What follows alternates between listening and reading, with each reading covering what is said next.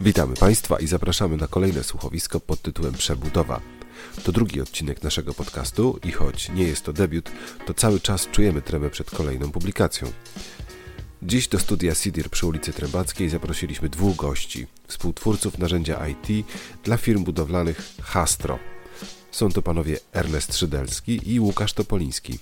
Hastro w największym skrócie służy do zarządzania procesami na budowie, ale oczywiście oni sami za chwilę lepiej o tym opowiedzą. Tym podcastem chcemy rozpocząć cały cykl rozmów o innowacjach i nowych technologiach dla budownictwa i przeanalizować, czemu to tak opornie idzie i to nie tylko w Polsce.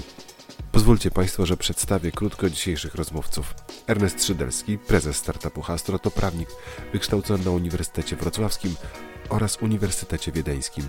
Rozpoczynał od pracy nad zagadnieniami prawa budowlanego, energetycznego oraz prawa nowych technologii.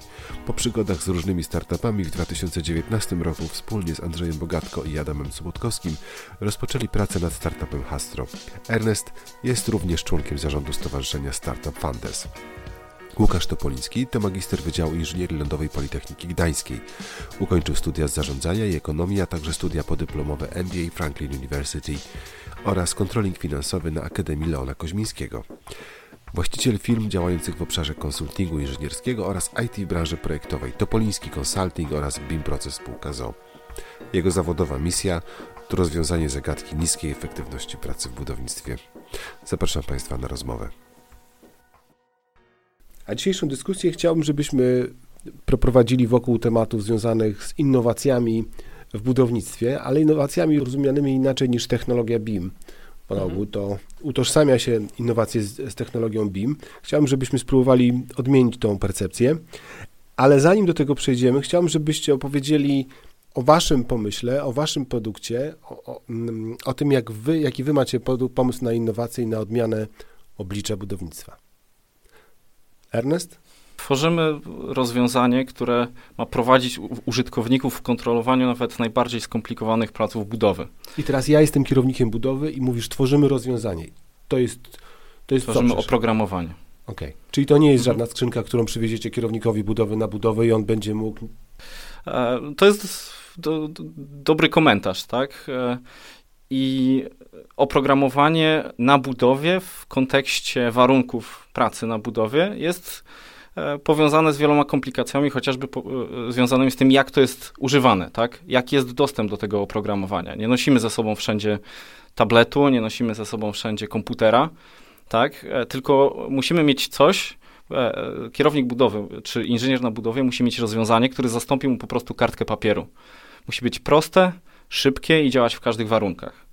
I e, to wzięliśmy pod uwagę na samym początku tworzenia naszego rozwiązania, e, ponieważ żeby mieć dobre dane z placu budowy, musimy zadbać właśnie o osoby przede wszystkim, które te dane tworzą, które zbierają. Więc ono musi być proste, działać bez internetu, na każdym telefonie e, i dawać ustandaryzowane dane, które potem czy kierownik jakości, czy kierownik projektu, czy prawnik jest w stanie w łatwy sposób zrozumieć. Tylko wiesz, Ernest, ja mam taki problem, że e, kiedy rozmawia się z kierownikiem budowy, to wszystko to, co mu powiedziałeś, dla niego będzie chmurą pojęć, które on nie będzie w stanie rozłożyć na poszczególne śrubki. Tak samo jak w mojej rozmowie z kierownikiem budowy, co on może zrobić z chmurą punktów, on powiedział, że chmurą punktów to on może najwyżej rozgonić.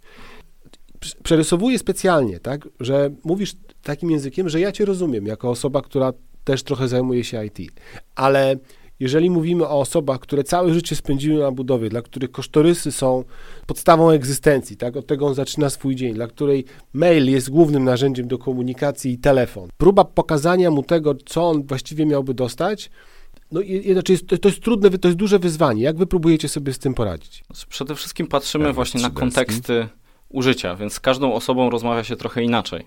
Inaczej rozmawia się z inżynierem na budowie, inaczej z kierownikiem, już nawet na tej samej budowie tak? E, dla z inżynierem staramy roz, się rozmawiać e, na tematy samego, samych niezgodności, czyli jeżeli inżynier zauważy, że coś jest nie tak na budowie, jest jakaś usterka, czy jest nawet bałagan na rusztowaniu, on to może w jakiś sposób zgłosić, tak?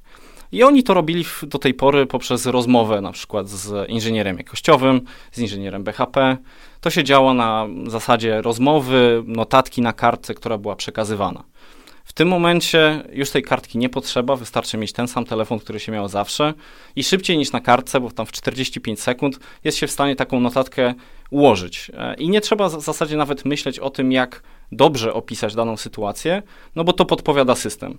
Z perspektywy kierownika budowy jest bardziej kwestia, jak zaakceptować pewne działania, jak coś przeanalizować. Tak?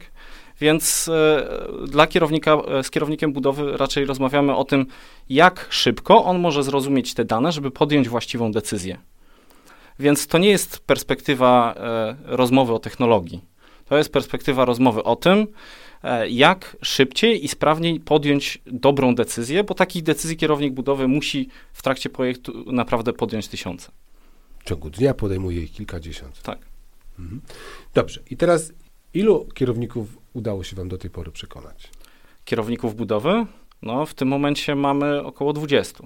O, to duży sukces. E, te e, jakby wdrożenie nasz, naszego rozwiązania e, szło za każdym razem od góry, czyli, czyli od zarządu. Przekonanie o tym, że jakość danych o niezgodnościach związanych z kontrolą jakości czy z kontrolą BHP przyniesie wymierne wyniki finansowe w kontekście oszczędności. Użyłeś kluczowego pojęcia, które chciałem, żebyśmy wyjaśnili. Niezgodność danych? Mógłbyś to przybliżyć? Nie, niezgodność na budowę jest szerokim pojęciem rzeczywiście. Mówiąc potocznie, niezgodność jest to udokumentowane e, udokumentowana sytuacja, w której wydarzyło się coś złego albo coś, czego się nie, co nie powinno się wydarzyć na budowie. My patrzymy na to z perspektywy trzech procesów, czyli z procesu jakości, czyli standardowo mówi się tutaj o usterkach, potocznie. E, mówimy o kontekście BHP i tutaj już standardowym słowem jest niezgodność, tak samo jest też e, w ochronie środowiska. To są te trzy główne obszary, które wasze rozwiązanie niejako pokrywa, tak? Tak, tak. I tutaj zaczynamy właśnie od niezgodności jako takiego najmniejszego klocka, który buduje proces.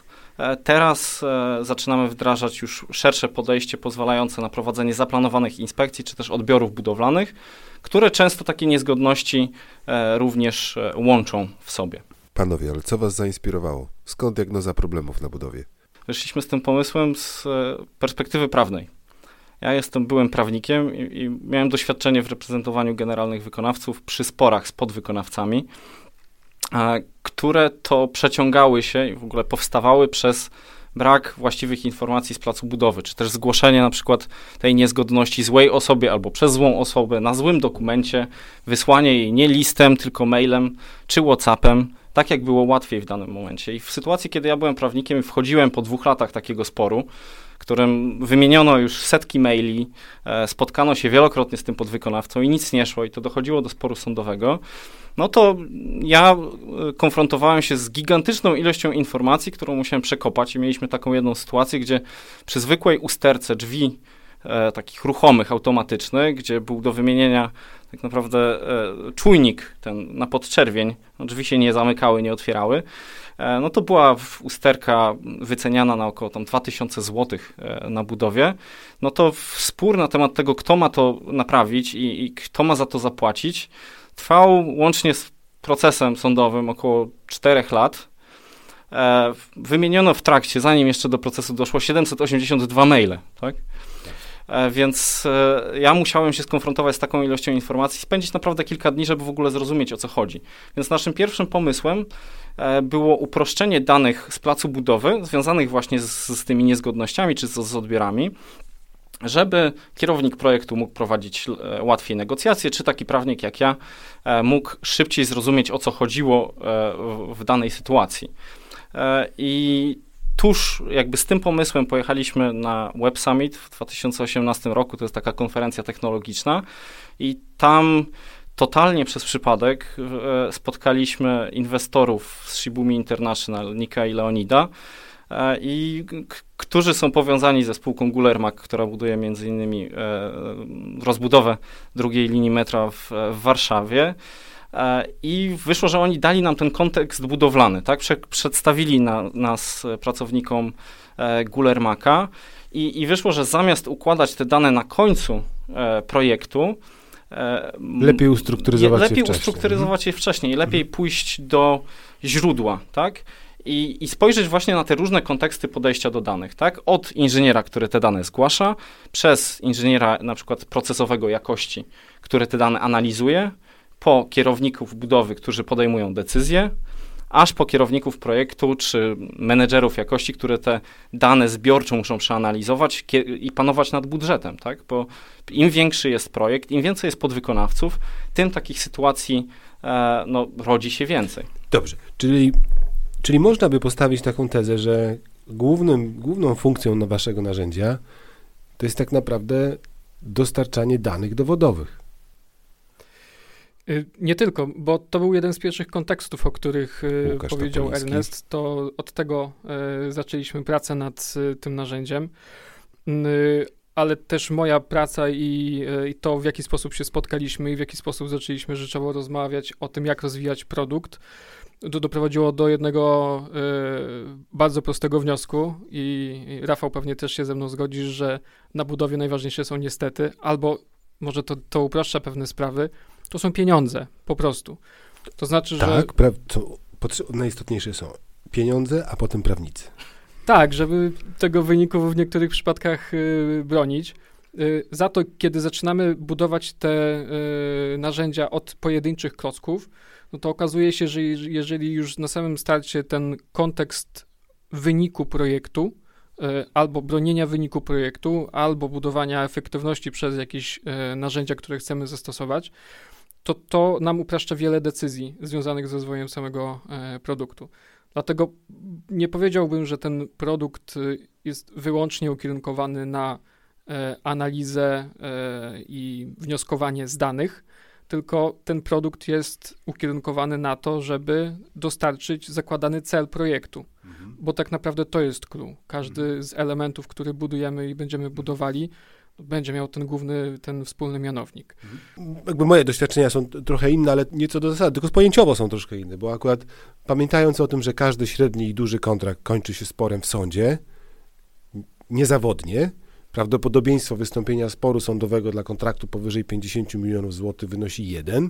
W związku z tym, skoro już sprawa trafi do sądu, to oczywiście najlepiej byłoby dla ciebie jako wykonawcy albo kogoś, kto go reprezentuje, żeby dysponować jak najszerszą bazą dowodową, żeby mieć jak najpełniejsze portfolio zapisu dotyczącego zdarzeń, które się faktycznie dokonały bo po 3-4 latach jest problem, żeby wydobyć, kto to napisał, gdzie jest odpowiedź na tego maila, gdzie jest ta dokumentacja, o której tu jest mowa, gdzie są te zdjęcia, o których wtedy rozmawialiśmy i, i gdzie pracuje teraz ten facet, który to wszystko, za które wszystko był tu odpowiedzialny.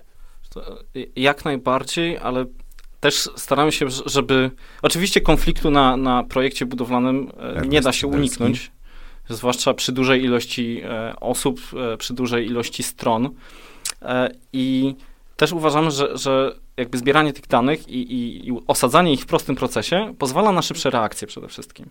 Tak? I tutaj właśnie ten kontekst finansowy, który e, Łukasz poruszył, jest bardzo ważny, ponieważ e, przy miesięcznych rozliczeniach tak, z podwykonawcami czy, czy, czy z klientem, e, warto mieć informacje o tych niezgodnościach, o wynikach kontroli, które są najwyższej jakości. Ponieważ w sytuacji, kiedy mamy te dane, które ktoś na telefonie sobie prosto wrzucił do systemu, potem analityk je wycenił, czyli jakie, jaka, jakie materiały zostały użyte w, w celu wykonania działania naprawczego, jakie zasoby były zużyte, kierownik projektu czy kierownik budowy jest w stanie szybciej podjąć decyzję, jaką drogą pójść dalej, tak? I jest w stanie szybciej rozwiązać ten konflikt poprzez negocjacje konfliktami, z którymi ja się zetknąłem, można było jakby ich uniknąć poprzez po prostu przedstawienie jasnych danych podwykonawcy e, o tym, co się faktycznie zdarzyło, tak? Na budowie, na, na takich projektach, na których my pracujemy, naprawdę przewijają się tysiące ludzi, dojście do, do tej prawdziwej historii za zdarzeniem jest często ciężkie. Jest kilku podwykonawców, którzy współpracują na jednym pomieszczeniu, e, przewijają się naprawdę dziesiątki, setki osób, e, więc taka informacja przesłana bardzo szybko pozwala na szybką reakcję kierownika budowy i to niezależnie od tego, czy mówimy tutaj o kwestiach jakości, tak, czy, czy jakichś poprawach, czy, czy w ogóle wstrzymaniu prac, czy też o kwestiach bezpieczeństwa i unikania wypadków. To oczywiście są kluczowe kwestie, tylko powiedz mi taką rzecz z Twojego doświadczenia, z Waszego doświadczenia. E, ilu kierowników budów, powiedzmy ze 100 kierowników budów, ilu udałoby się namówić na tego typu działanie, żeby, żeby przekonać ich do wdrożenia takich systemów i, oni by to zrobili niejako samodzielnie, samorzutnie, z własnej inicjatywy. Słuchając ciebie powiedzieliby, kurde Ernest, masz rację, faktycznie całe moje zawodowe życie ja miałem z tym problem, a tu dajesz mi takie proste rozwiązanie. Kurczę, dlaczego wcześniej A, nikt tego nie zrobił, dlaczego B, wcześniej na to nie wpadłem. Tu może powiedzieć, my na pewno, naprawdę nie mamy problemu z kierownikami budów. E, Ale to oszacuj mi, z tych 100 kierowników budów, które, które byśmy postawili w, stali, w sali e, wykładowej i powiedzielibyśmy o tym rozwiązaniu, którzy samorzutnie byliby w stanie się zapisać, ok, ja chcę coś takiego u siebie wdrożyć, wiedząc, że to generuje te, także koszty na poszczególnych kontraktach, za które są odpowiedzialni. Myślę, że to jest bardzo dobre pytanie i wprowadzenie, bo powiedziałeś, Łukasz Topoliński. wiedząc, że to generuje koszty y, na projekcie, który prowadzi ten kierownik budowy. To powiedziałbym, że gdybym spotkał tych 100 kierowników y, budowy w jednym pomieszczeniu, jeszcze mi się nie zdarzyło, ale, ale byłem już blisko y, tej sumy, to postawiłbym jedno proste pytanie. Czy ty rzeczywiście masz informacje o kosztach swojej budowy? Czy jesteś w stanie podjąć taką rzeczywistą, suwerenną decyzję o tym, czy coś, co kosztuje, przynosi ci odpowiednie korzyści. Najczęściej duża grupa tych kierowników prawdopodobnie znaczy nie byłaby w stanie odpowiedzieć na to pytanie. Byliby w stanie odpowiedzieć, mam pełną kontrolę nad kosztami swojej inwestycji, bo nic innego nie mogliby tobie powiedzieć. Tak, no dobrze, truizm i prawdopodobnie w każdej branży spotkasz dokładnie takie samo podejście, czyli e, e, nieświadomość, którą przykrywam tym, że mówię, że się na czymś znam, na, ja się na tym nie znam, ale jestem w stanie codziennie funkcjonować. Ale mhm. musisz, Łukasz, odpowiedzieć na to pytanie, które, które w powietrzu wisi. Ci ludzie muszą mieć świadomość, że koszt nieponiesienia tego kosztu jest nieporównywalnie wyższy. Kłopot polega na tym, że ci ludzie nie mają świadomości tego, co dzieje się z kontraktem z chwilą, kiedy on przejdzie fazę odbioru. Rozliczaniem tego, tak jak ty, tak jak ty powiedziałeś, tak naprawdę odbywa się parę lat później na sali sądowej. I zamknięcie finalnego bilansu tego projektu, czy on wyszedł na plus, czy na minus, albo jak na plus, jak na minus, skończy się z chwilą wyczerpania ścieżki odwoławczej. Dlatego przy budowaniu w ogóle rozwiązań informatycznych Ernest dla budownictwa trzeba bardzo mocno zwracać uwagę na wszystkie persony, które mają tego używać. I my możemy tu rozmawiać po prostu o, o kontekście finansowym, który być może tak bardzo tego kierownika budowy nie będzie od, obchodził. To, to, to, wszystko zależy od projektu, zależy od firmy, organizacji pracy, tak?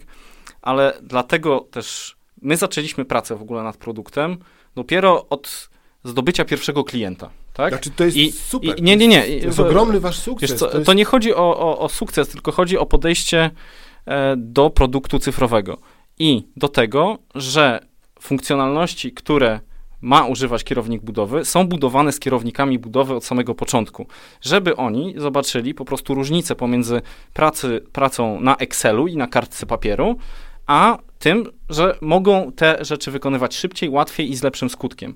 Dlatego, dlatego w ogóle cyfryzacja branży budowlanej jest dosyć skomplikowana, bo jest, wiel, jest to, są to skomplikowane projekty, które skupiają wiele branż, wiele typów osobowości, i e, wiele pozycji, tak? Bo kiedy mamy dane zbierane przez inżyniera, mamy te dane analizowane przez innego inżyniera, mamy decyzje podejmowane przez kierownika budowy, mamy dane całościowe analizowane jeszcze przez kierowników jakości kierowników BHP, które to dane są napędza e, napędzają rozwój firmy poprzez przekazywanie ich do kierowników projektu czy do zarządu same, samego przedsiębiorstwa.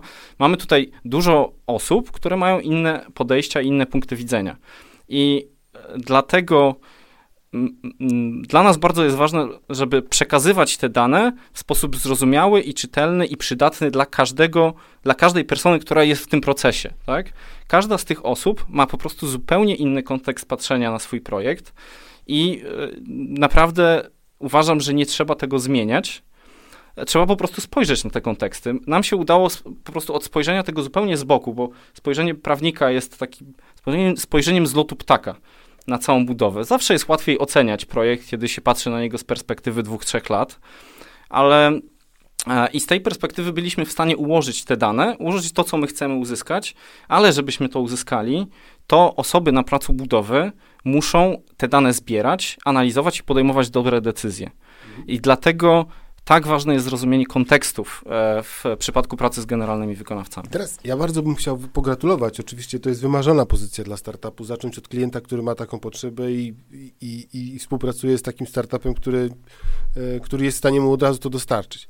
Nie wszystkie startupy są w takiej e, komfortowej sytuacji. Co więcej, wiele gotowych rozwiązań, można powiedzieć, takich, które można zdjąć z półki, nie są w stanie przedrzeć się, znaleźć e, kanału uwagi w, u kierowników budów i uwaga ich szefów, czyli de facto zarządów. Czy w Waszej ocenie sukces technologii informatycznych w budownictwie w Polsce, innych niż BIM, tak, to jest e, kwestia budowania świadomości u kierowników budów, czy u ich, czy u ich szefów? Powiedziałbym, że u ich szefów, bo wiesz, sam y, proces decyzyjny i tak i tak zaprowadzi nas, albo chce, żebyś, chce, chce, chcielibyśmy się znaleźć y, przed zarządem, y, bo wiemy doskonale, że oni podejmują decyzje biznesowe. To wcale nie oznacza, że nasz produkt jest dla zarządu i ma załatwiać problemy zarządu, ale bardziej chciałem zwrócić uwagę na to, że tak naprawdę musi soczewkować te problemy, które będą wpływały na decyzję zarządu. Zarząd kieruje się kryteriami ekonomicznymi, kryteriami strategii rozwoju całego, e, całego przedsiębiorstwa e, budowlanego. I tak naprawdę musi brać pod uwagę oczywiście też to, jak działają e, projekty.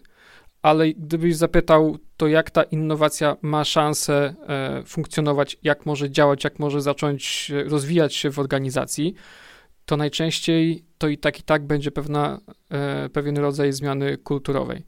Zmiany kulturowe zawsze albo najczęściej napędzane są przez świadome zarządy, które też powoli i systemowo prowadzą te głębokie zmiany organizacyjne przez wiele lat, wzmacniając je i szukając tej korzyści, którą sobie najczęściej założyły w długim e, okresie czasu.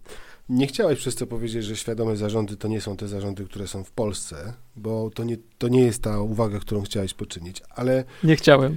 E, tak, ja, ja byłem przekonany, ale chciałem to po prostu usłyszeć od ciebie.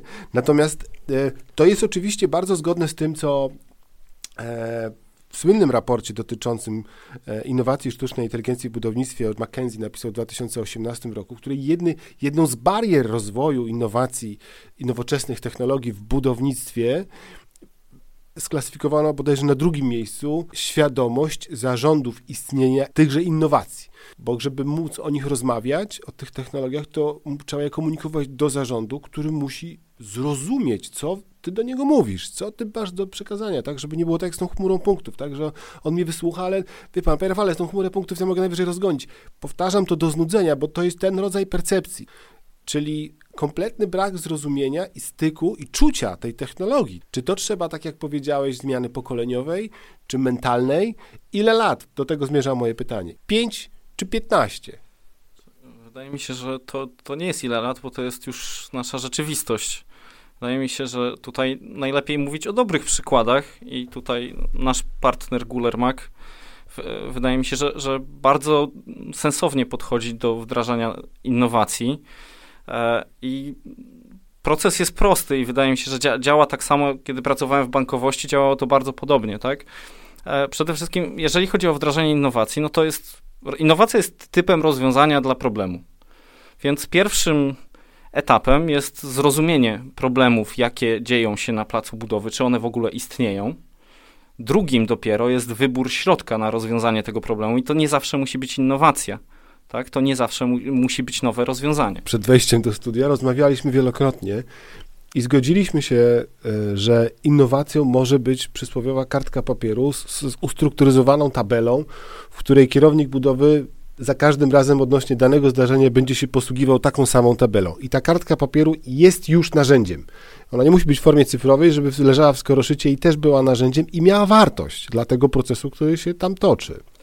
E, tak, i tutaj dlate, dlatego ważna jest komunikacja pomiędzy osobami związanymi z produkcją, a zarządem i e, zebranie osób, które, które pasjonują się nowymi rozwiązaniami, myślą o problemach i o tym, jak je rozwiązać. I tutaj mam przyjemność właśnie współpracować na przykład z Wojtkiem Ślesińskim, Magdą Piechocką, Elą Protasiuk, Ewą Krzywosz I to jest nasz zespół wdrożeniowy w, w, w Gulermak i my pracujemy na zasadach właśnie analiz problemów, które występują na placu budowy i wyszukiwania najlepszych rozwiązań, które się wiążą z, oczywiście z naszym kontekstem e, naszego problemu, ale e, ze zrozumieniem ich problemów, ponieważ ja, tych, e, ja, ja ich nie, nie, jestem w stanie zrozumieć, tak samo żaden programista nie jest w stanie do tego dobrze Czyli podejść. Zanim zaczęliście współpracę z wykonawcą, nie byliście świadomi różnego rodzaju niuansów, procesów, które jednakowoż należało uwzględnić w waszym narzędziu. O, o, oczywiście, że nie, nie ma co się oszukiwać, że jedna osoba jest w stanie to zrozumieć. Dlatego też taka, taką podstawową, takim moim podstawowym zajęciem w życiu jest rozmowa e, z, ze specjalistami branżowymi, które te rozmowy przeprowadzą prawie codziennie, tak? To po prostu kont kontaktujemy się z potencjalnymi użytkownikami w różnych firmach, żeby zrozumieć też wagę tych problemów, tak? Żeby samemu ustalić priorytety przy rozbudowie systemu. E, bez tego to nie miałoby, jakby w, nie bylibyśmy w stanie rozwijać e, systemu szybko, tak? Czy, I popełnialibyśmy po prostu bardzo dużo błędów. A powiedzcie, czy w trakcie pracy, przy takim modelu pracy, wykonawca na przykład zdarzyło się, że stwierdził, ok, ten proces u mnie wygląda źle, że to mógłbym poprawić, że jest to rodzaju, to jest swego rodzaju audyt też, tak? Takie, tak, takie no, rewizja wszystkich procedur, które się dokonuje, pam, wykonawca pamięta, że to będzie przełożone na jakieś narzędzie, które de facto będzie go potem kontrolowało z tego, więc jeżeli jest to głupi pomysł, to oczywiście będzie go kontrolowało i będzie procesowało głupi proces. Y, I czy, czy to jest jakaś super wiedza, którą wykonawca też uzyskał sam o sobie w trakcie takiej pracy nad takimi narzędziami? Taki to jest dobry komentarz i uważam, że to jest jeden z największych zalet współpracy ze startupami, które ze swojej natury działają bardzo szybko i zwinnie, mają mało osób i szybki proces decyzyjny. E, I, I szybko muszą spieniężać. I szy, szybko muszą zbudować rozwiązanie, tak? Bardzo, bardzo szybko. Ten czas jest tutaj bardzo ważny, więc e, przy współpracy z, z, ze startupem e, jakby generalny wykonawca zyskuje zewnętrzne spojrzenie na swoje własne problemy, których może sam często nie widział, e, ze strony organizacji, której bardzo zależy na rozwiązaniu e, tak, i zbudowaniu rozwiązania, które będzie działało szeroko. Postawiłbym taką tezę, że jakby nie ma niegotowego zarządu. E, pytanie, jak ty sprzedajesz to? W sensie dojrzałość zarządu, dojrzałość organizacyjna musi ci powiedzieć, jak chcesz ten pomysł sprzedawać. Mhm. Ale ja mogę prywatnie się z tą nie zgodzić na przykład, prawda? Możesz, powinieneś. No. Dzięki temu ta dyskusja będzie, wiesz, Nie, nie, będzie bo z mojej opcji... Bo nie jest jednostronna, dlatego znaczy, sądzę, że to dla będzie was, ciekawe. Dla was jest o tyle łatwiej, że wy macie klienta pracujecie z klientem, który jest zdeterminowany do tego, żeby produkt dowieść do końca. Innymi słowy, usprawnić swój proces, o którym jest przekonany, że należy to zrobić do końca. W związku z tym to się zakończy sukcesem, tak czy siak. To zwróćcie uwagę, na jaką ogromną drogę przeszedł Giller Mac, pracując z wami, to o czym rozmawialiśmy przed chwilą, próbując scyfryzować jakieś swoje, swoje procesy. Zobaczcie, że w tym czasie większość spółek w tym i dużych, pomimo tego, że mają szefów swoich działów innowacji, rozwojów i badań, nie prowadzi tego typu procesów. Tu oczywiście wielu podniesie głos, nie, nie, my prowadzimy, my prowadzimy, ale większość tego nie robi, bądź robi to naprawdę deklaratywnie. No obiektywnie nic się nie dzieje, to znaczy to nie zmienia rzeczywistości na placu budowy. No. Tak. I tracą czas, tak naprawdę tracą czas, bo gdyby chociaż zechcieli współpracować z takimi firmami, takimi startupami jak wasz, to dałoby im lepszy dystans też do własnych procesów, do własnych organizacji i pozwoliłoby im się lepiej przygotować do cyfrowej zmiany. Ale pytanie, jak wiesz, jak one są dojrzałe, bo tutaj chodzi o to, że my trochę zakładamy, że innowacje mogą się rozwijać albo rozwijają się szybko tam, gdzie te organizacje są dojrzałe. Mamy taką tezę i zgadzam się w większości przypadków. Na przykład rynek polski jest mniej dojrzały niż ten na zachodzie, więc z automatu my też jesteśmy mniej otwarci na innowacje. Te innowacje być może nawet nie dochodzą do finału, czy na przykład do, do, do pierwszego e, wdrożenia. Ale wydaje mi się z drugiej strony, że e, to, że to nie dochodzi do skutku, to też jest trochę e, błąd w sprzedawaniu innowacji jako takiej. To znaczy. Nie umiemy tego robić. nie umiemy tego robić i też nie do końca chcemy złapać, zrozumieć percepcję tej osoby po drugiej stronie. Mówię tutaj o kimś, kto ma przyjąć tą innowację o zarządzie. Jeżeli to jest dojrzały zarząd, to dojrzały zarząd tak naprawdę ma ten problem zdefiniowany, szuka konkretnych rozwiązań, szuka najlepszego rozwiązania z rynku. To znaczy, że my jesteśmy jednym z oferentów jako startup, no i stawiamy jakąś swoją tezę, chcemy ją dostarczyć, chcemy, chcemy rozwiązać problem, który ta firma już mniej więcej wie, jak przekłada się na jej na przykład efektywność, wyniki finansowe. Mhm. Ale w przypadku, kiedy masz firmę, która tak naprawdę jest na początku drogi, znaczy przynajmniej musi mieć chęć do tego, żeby rozmawiać i, i spróbować, co wcale nie oznacza, że jest dojrzała organizacyjnie. To może oznaczać, że ma bardzo grube problemy chociażby w obszarze podstawowego zarządzania projektami. I z takimi firmami często dochodzi do zderzenia dwóch światów. To znaczy, ja z punktu startupu mówię o innowacji, o wdrożeniu, o tym, że rozwiążę Twój problem, że wprowadzę Cię e, na przykład na ścieżkę cyfrowego rozwoju, a tak naprawdę być może to nie jest najlepsza droga. Być może powinienem rozmawiać z pozycji funduszu inwestycyjnego albo kategorii tego, że. Bardzo ciekawe. Słuchaj, ja jestem jak e, dostawca pewnego produktu finansowego. Kupujesz ode mnie produkt finansowy obarczony pewnym ryzykiem. Zakładam, że chcesz mieć pewną stopę zwrotu. Cały czas mówimy o pieniądzach i jeżeli nie jesteśmy w stanie rozmawiać o pieniądzach, na przykład z pozycji startupu, to znaczy, że nie, nie bardzo jesteśmy w stanie sprzedać nawet swoją wartość do kreowania, e, swoją umiejętność kreowania wartości. Z takimi mniej dojrzałymi, mniej dojrzałymi firmami myślę, że dużo łatwiej rozmawia się właśnie na zasadzie inwestycji obarczonej pewnym ryzykiem. Jeżeli chcesz coś włożyć, zainwestować, to spodziewasz się zwrotu. Ten zwrot musi mieć naprawdę bardzo dobrze zdefiniowane ramy i finansowe, i czasowe, no bo tak oceniasz inwestycje, prawda, na rynku, jakimkolwiek. Jeżeli zaczynasz rozmawiać takim językiem, jesteś w stanie to obronić, a nie mówić wyłącznie o rozwiązaniach, o, roz, o rozwoju kultury organizacji, o cyfryzacji jako takiej, e, to w niektórych przypadkach ludzi, którzy są pragmatyczni, a zarządy najczęściej takie są, przynajmniej masz pole do tego, żeby powiedzieć o tym, a na czym to twoje rozwiązanie ma polegać. I wydaje mi się, że w takiej sytuacji, w której jesteśmy, w mniej dojrzałym rynku, to to jest po prostu bardziej skuteczne. Bardzo ciekawy wątek, który tutaj powiedziałeś. Naprawdę, Łukasz, jestem zbudowany i dziękuję za tą lekcję. Bardzo proszę. Znaczy... Ale to jest proste, bo pieniądze zawsze są proste. Tego akurat nie musiałeś dodawać. Ale to możesz zawsze wyciąć. E, tutaj z perspektywy startupu i w ogóle wdrożenia nowych technologii warto zwrócić uwagę, bo to się wiąże z ryzykiem, kiedy się e, zaczyna współpracować z małą, szybką, zwinną organizacją. Skupienie się na po prostu szybkich wygranych, ustalenie tego, co mamy osiągnąć w ciągu na, na przykład najbliższych trzech miesięcy, i weryfikować e, bardzo mocno te osiągnięcia. E, I nie, nie skupiać się tylko na tym, że kiedyś będziemy innowacyjną organizacją, bo to nic nie znaczy. I e, skupienie się właśnie na problemie, wyszukaniu rozwiązań, łącznie z rozwiązaniami nowoczesnymi ze, ze strony startupów, ale też spojrzeniem na to, co jest na rynku. Potem przepilotowanie kilku tych rozwiązań i tutaj akurat współpraca ze startupami może być bardzo e, prosta i przyjemna, ponieważ po pierwsze dużo startupów chce w ogóle przetestować swoje rozwiązanie i, i, wielkie pieniądze nie są tutaj potrzebne. Dwa, mamy organizacje w Polsce, które wspierają tego typu wdrożenia również finansowo. Więc e, tutaj przetestowanie tak naprawdę pewnych koncepcji, jeżeli te koncepcje są ciekawe z perspektywy generalnego wykonawca, e, wykonawcy, e, jest bardzo tanie i jest nie tak bardzo ryzykowne. Więc po przetestowaniu tych kilku rozwiązań warto właśnie sobie ustawić, czy nawet w trakcie testowania, warto sobie ustawić po prostu konkretne, szybkie cele, które chcemy osiągnąć. Tak? Nawet patrząc w perspektywie, że, że zbieramy te dane E, na wypadek jakichś e, roszczeń w przyszłości, można ustawić sobie cele, które chcemy osiągnąć, czyli chcemy zebrać te, e, taką i taką ilość danych, ona musi zostać na przykład oceniona pozytywnie przez naszych prawników.